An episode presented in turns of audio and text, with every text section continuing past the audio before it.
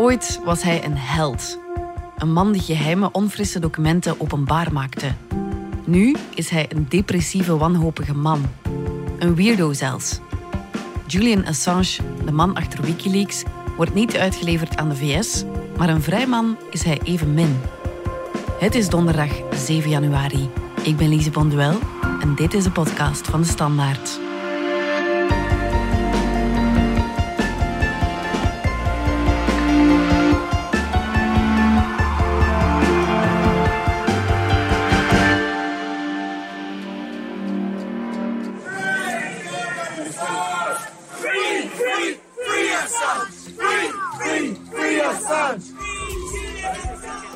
Dominique Minten van onze buitenlandredactie.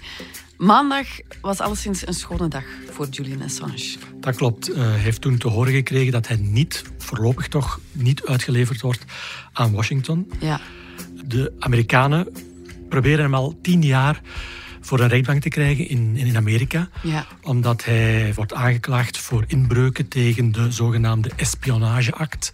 De spionagewet, die dateert eigenlijk uit 1917. Maar het gaat over het vrijgeven van geheime informatie. Geheime militaire of diplomatieke informatie van de Amerikanen. Eh, daar is al, al sinds 2010 mee bezig. ja. Via zijn website Wikileaks. En de Amerikanen kunnen dat maar matig appreciëren en willen hem daarvoor aanklagen. Ja. Hij riskeert daar trouwens heel veel celstraf voor. Tot 175 jaar hangt er boven zijn hoofd. ja. En hij zou zelfs 18 keer de Amerikaanse spionagewetten hebben overtreden. Wel, het gaat in eerste instantie over het hacken Ja. van computers en over het vrijgeven van geheime, classified informatie rond eh, militaire operaties van de Amerikanen in Afghanistan, Ja. Irak ook. En later ook over het diplomatiek verkeer dat er is geweest eh, tussen Washington en allerlei hoofdsteden in, in Europa. Ja, maar het, het opvallende aan de Britse uitspraak is toch wel de motivatie van de rechter. Hè? Ja, dus eh, de verdediging van Assange heeft altijd gezegd van dat hij niet mag uitgeleverd worden omdat hij eigenlijk niks verkeerd heeft gedaan. Ja. Er bestaat zoiets als de persvrijheid en de vrijheid van meningsuiting. Dus het vrijgeven van die geheime informatie valt dan zogezegd onder de persvrijheid. Maar dat argument heeft eigenlijk de rechter, de, de Britse rechter, van tafel geveegd. Ze zegt van nee, daar gaat het eigenlijk niet over. Want eh, de vraag van de Amerikaanse rechters is gerechtvaardigd. Zij doen hun werk. Dus het kan best zijn dat hij zich daar moet voor verantwoorden in, in Washington. Maar ze vindt het op dit moment onverantwoord om hem uit te leveren, omdat hij eh, geestelijk niet gezond is. Dus hij zit op dit moment in een Britse gevangenis en daar hebben, ze, hebben psychiaters vastgesteld dat hij zelfmoordneigingen heeft, dat hij zijn geestelijke gezondheid echt te wensen overlaat. Hij zou al een paar keer zelfmoord hebben proberen te plegen. En ze vindt dat hij in de Amerikaanse gevangenissen meer gevaar loopt eh, dat hij wel degelijk zelfmoord zal plegen. Ze verwijst daarbij onder andere naar Jeffrey Epstein, de Ja. gevallen zakenman, die in, ondertussen in 2019 al zelfmoord heeft gepleegd in een gevangenis in New York. Ja. Terwijl hij onder speciaal regime stond zelfs, omdat men bang was dat hij dat zou doen. En toch heeft hij dat kunnen doen. En zij zegt dus van ja, als Assange wordt overgebracht, dan eh, zou het wel eens kunnen dat hij dat ook doet en dat hij niet genoeg tegen zichzelf beschermd kan worden. Ja, ja, ze vertrouwen eigenlijk het Amerikaanse gevangeniswezen Daar komt het eigenlijk wel op neer. Ja. Dus het is toch wel een vingerwijzing naar het Amerikaanse gevangenissysteem. Ja. Dat ook erg werkt met eh, maximum security, waarin iedereen dag en nacht wordt geobserveerd. Waar mensen worden geïsoleerd ook. Ja. En die totale isolatie, dat is natuurlijk niet goed voor iemand die al eh, zelfmoordgedachten Mhm. heeft. Eh, dus dat is eigenlijk de basisargumentatie van de Britse rechter om hem voorlopig niet uit te leveren. Ja, en eh, is de zaak daarmee dan afgelopen? Dat denk ik niet, nee. De Amerikanen hebben nog altijd eh, de mogelijkheid om in beroep te gaan. Mhm. De aanklagers hebben al laten verstaan dat ze dat waarschijnlijk zullen doen. Ze hebben daar twee weken de tijd voor. Officieel is dat nog niet gebeurd. Maar de kans dat ze dit nu zomaar gaan laten vallen, dat ze zich neerleggen bij deze uitspraak van de Britse rechter, denk ik is klein. Eh, omdat het zo'n belangrijke zaak is en Ja. zo, zo mediatiek is ook, waar die al zo lang bezig is. Om dat nu te laten vallen op basis van deze argumentatie, dat denk ik niet dat zal gebeuren. Ja, dus voorlopig blijft hij nog even in de gevangenis. Hij blijft wel voorlopig in de, in de gevangenis in, in, in Londen. eh, maar zijn advocaten gaan nu ook proberen hem daar vrij te krijgen op borgtocht. Ja. Mm, Normaal gezien moet dat deze week gaan gebeuren. De vraag is of hij op borgtocht vrijgelaten zal worden. Ja. Want hij heeft natuurlijk geen goed track record rond, rond het ontlopen van zijn straf. Hè. Dus hij is, hij is eigenlijk al tien jaar op de vlucht voor justitie. En als hij nu wordt vrijgelaten, bestaat de kans, denk ik ook weer, zelfs al is het op borgtocht, dat hij toch weer op de loop gaat. je raakte het daar net al even aan, maar waarom zijn de VS zo gebeten op Assange? Wel, het heeft inderdaad alles te maken met zijn activiteiten als eh, stichter en als gezicht van Wikileaks. Ja. De Klokkenluiders website wordt ze genoemd. Die is al eigenlijk al sinds 2006 heeft hij die mee opgericht, Assange. En die is dan begonnen met het publiceren van geheime informatie. Dus van mensen die geheime documenten bemachtigden Ja. en die daarmee terechte problemen wilden aankaarten. Ze zijn eigenlijk echt in het nieuws gekomen in 2010. Toen is er een video gepubliceerd op die website, hebben ze op Wikileaks, waarop te zien was eh, hoe dat een Amerikaanse gevechtshelikopter in Bagdad het vuur opende op een aantal mensen. Come on, fire. Er werd gezegd dat dat militairen waren of, of spionnen of zo, maar uiteindelijk bleek dat dat eigenlijk vooral gewone burgers waren die daar het slachtoffer waren. Er zijn toen 18 doden gevallen. Dus die beelden lieten zien dat de waarheid eigenlijk veel eh, rauwer was dan de, het Amerikaanse leger wilde laten uitschijnen. Ja, en Assange benadrukt dat ook. I believe that if those killings were lawful under the rules of engagement, then the rules of engagement are wrong. Deeply wrong. Dus hij, hij stelde wel degelijk problemen en schandalen aan de kaak. It's clear that it will shape an understanding of what the past six years of war has been like. Daarna zijn er, is hij dan de documenten gaan publiceren die hij in handen heeft gekregen van Chelsea Manning. Ja. Dat was een Amerikaanse soldaat die werkte voor het Amerikaanse leger in Iran en in Afghanistan. En die dus documenten in handen kreeg waaruit bleek dat eigenlijk meer dan de helft van de doden die vielen in, in de burgeroorlog in Irak, dat dat geen militairen waren of gevechtseenheden, maar vooral burgers. Ja. Dus daar werden toch wel eh, problemen aangekaart die er waren met de Amerikaanse interventie in Irak, Ja. dingen die iedereen wel min of meer wist. Maar door die geheime documenten zag je dat zwart op wit, dat er echt wel problemen waren. Ook de manier waarop Iraakse soldaten hun tegenstanders folterden. Er zijn de beelden van de Abu Ghraib-gevangenis en zo, hoe dat daar de gevangenen werden mishandeld. Dat is allemaal dankzij Wikileaks en dankzij die geheime informatie die via Wikileaks naar buiten is gekomen. En daardoor werd hij op dat moment ook eigenlijk een soort van held. Hè. Julian Assange was de man die die, die misdaden, die die schandalen aan, aan het licht bracht. Ja. Alhoewel eigenlijk, hij is eigenlijk altijd maar een tussenpersoon geweest. Hij stelde platform ter beschikking waarop de klokkenluiders waren dus Chelsea Manning, later ook eh, Edward Snowden, Ja. de medewerker van de Amerikaanse NSA, de inlichtingendienst, die dan ook documenten doorspeelde waaruit bleek dat de Amerikaanse inlichtingendiensten wereldwijd spioneerden. Ook dingen deden die echt niet door de beugel konden. Bijvoorbeeld zo werd de telefoon van, van Angela Merkel ook afgeluisterd. Hè. Dus dat kwam daaruit naar voren.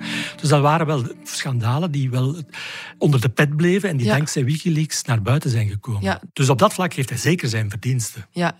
Ook de Standaard publiceerde begin 2011 uit Ja, Wikileaks. ja, dus er was eerst die video van de helikopter. Ja. Dan waren er die militaire documenten eh, rond Irak en Afghanistan.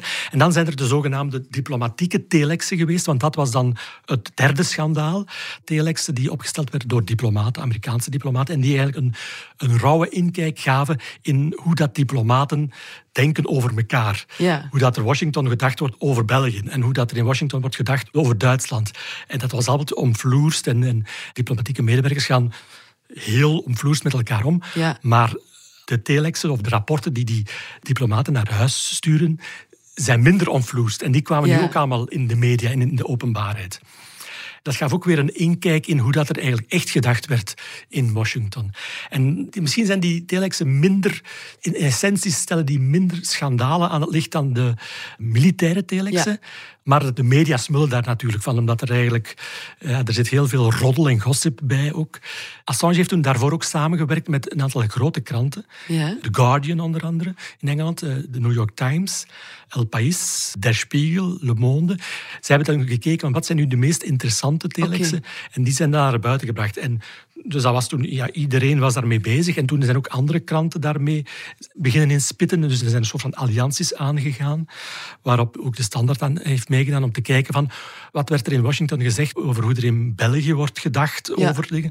Heb je daar iets uit geleerd? We, we hebben daar kleine dingen uit geleerd. Eh, bijvoorbeeld, een van de spitante dingen was dat bijvoorbeeld eh, minister De Krem, die toen minister van Defensie was, Ja.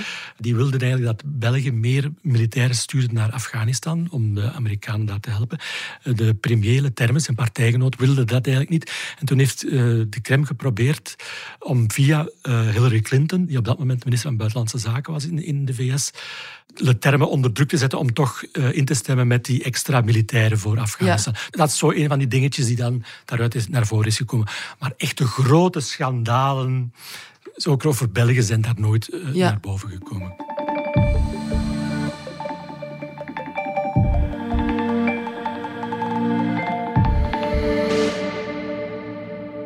Waar we in de begindagen van Wikileaks wel opkeken naar Assange, is dat beeld toch langzaamaan beginnen verschuiven. Hè?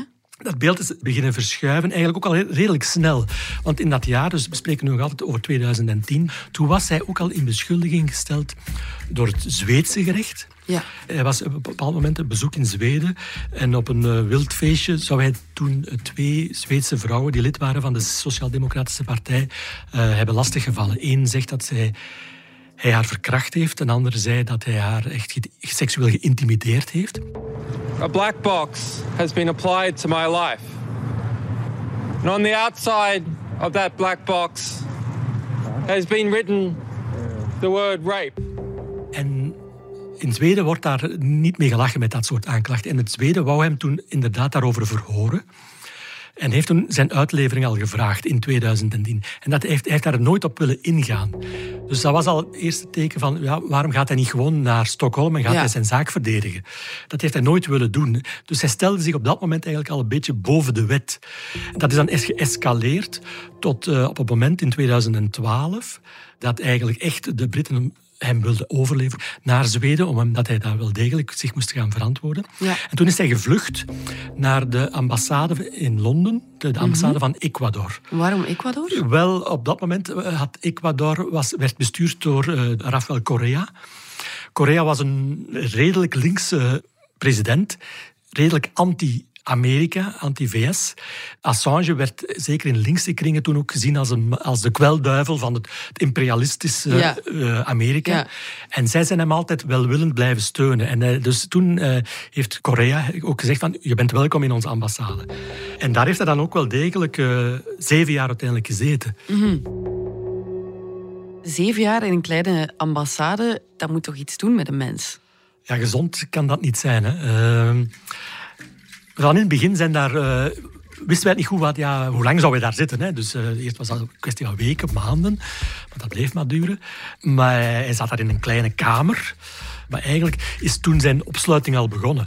Hij kreeg dan wel bezoek. Er kwamen de meest vreemde figuren kwamen in, over de vloer daar. Zoals? Van, van Pamela Anderson tot uh, Eric Cantona, de voetballer. Uh, dus allemaal mensen die dus hem een warm hart toedroegen ja. en die vonden dat hij de, de goede zaak diende. Maar ja, er kwamen ook beelden naar buiten dat hij dan een home trainer zat om zich toch een beetje in conditie te houden. Maar ja, dat bleef maar duren, dat bleef maar duren. Tot uiteindelijk in 2019... Mm -hmm. Ecuador zei van nu is het genoeg geweest. Ecuador had op dat moment kreeg een nieuwe president, Moreno.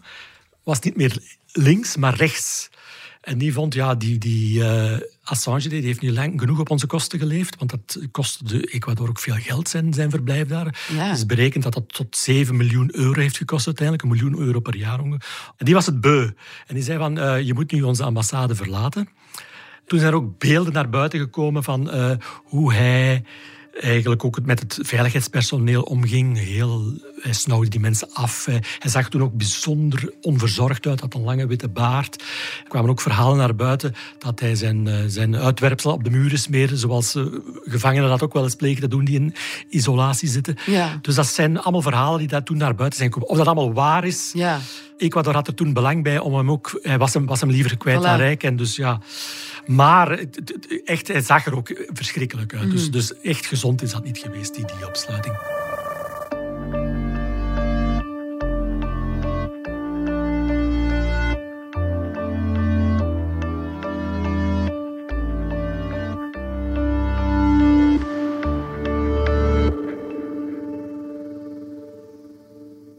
Door de Britse politie werd opgepakt in dat kamertje in de Ecuadoriaanse ambassade in Londen, bleef Assange wel actief bezig met Wikileaks. Zo had hij ook een grote rol in de Amerikaanse verkiezingen van 2016 tussen Donald Trump en Hillary Clinton. Tijdens de campagne zijn er, zijn er op Wikileaks heel veel documenten gepubliceerd, de e-mails van, van Hillary Clinton, die eh, Clinton eigenlijk niet op de correcte manier had bewaard en zo. Dus de, Clinton is daardoor erg beschadigd geweest. Dat was allemaal in het voordeel van, van Trump, want Trump heeft daar erg veel voordeel uit gehaald, denk ik. WikiLeaks. I love WikiLeaks. It's been amazing what's coming out on WikiLeaks. All you have to do is take a look at WikiLeaks. Heel die campagne draaide op een bepaald moment rond die e-mails. The WikiLeaks email show expressed serious concerns about conflicts of interest at the Clinton Foundation and the State Department. Maar de manier waarop die e-mails zijn verkregen, waarschijnlijk door Russische hackers, Moskou had daar een belang bij. Dus Moskou heeft die waarschijnlijk doorgestuurd aan Wikileaks. Die zijn allemaal gewoon op de site gepubliceerd, zonder dat daar een journalistieke filter op is gezet. En sindsdien, ze vragen ook wel van, is hij wel een journalist? Of is hij gewoon een man die, die gewoon... Dus de persvrijheid heeft toch ook, is toch ook gebaat bij zorgvuldigheid en, en afwegen van belangen. Dat speelde in 2016 met de publicatie van die e-mails helemaal geen rol meer. Dus alles werd gewoon online gegooid. Daar heeft hij heel veel krediet verloren ook. Ja. Aan de andere kant kan je dat misschien ook positief zien. Hè? Assange rijdt voor niemand en brengt documenten uit over alles en iedereen. Ja, maar dan, ik zeg het, dan kom ik terug bij wat ik zeg. Van als je een beetje de schandalen aan het licht wil brengen, je moet het altijd goed overwegen. Welke mensen breng je daarmee in gevaar? Worden daar levens Ja. mee in gevaar gebracht? Dat was zeker. Daar hebben de Amerikanen misschien wel een punt dat met de publicatie van die militaire documenten, dat, dat daar wel militaire levens mee in gevaar zijn gebracht. Ja. Weten we daar iets over? Dat, eh, dat is heel moeilijk te zeggen. In elk geval is daar bijvoorbeeld Chelsea Manning, dus degene die die documenten naar buiten heeft gebracht, die is daarvoor veroordeeld geweest, ook in Amerika, Ja. tot 35 jaar cel. Uiteindelijk is ze, ze is ondertussen vrij, ze heeft gratie gekregen, dus vervroegd vrijgekomen. Maar daar wordt wel zwaar aan getild en juridisch zijn daar wel dingen over te zeggen, Ja. inderdaad. Nu, eh, Manning heeft wel de gratie gekregen van Obama. Verwacht je dat Biden ook gratie zal verlenen, maar dan aan Assange? Dat is een goede vraag. Ehm, Dat is moeilijk in te schatten. Biden heeft ooit over eh, Assange gezegd, maar nu spreken we over 2010, dus tien jaar geleden. Hij heeft hem toen een high-tech terrorist genoemd. Dus Biden is geen fan van de technieken van Assange en van Wikileaks.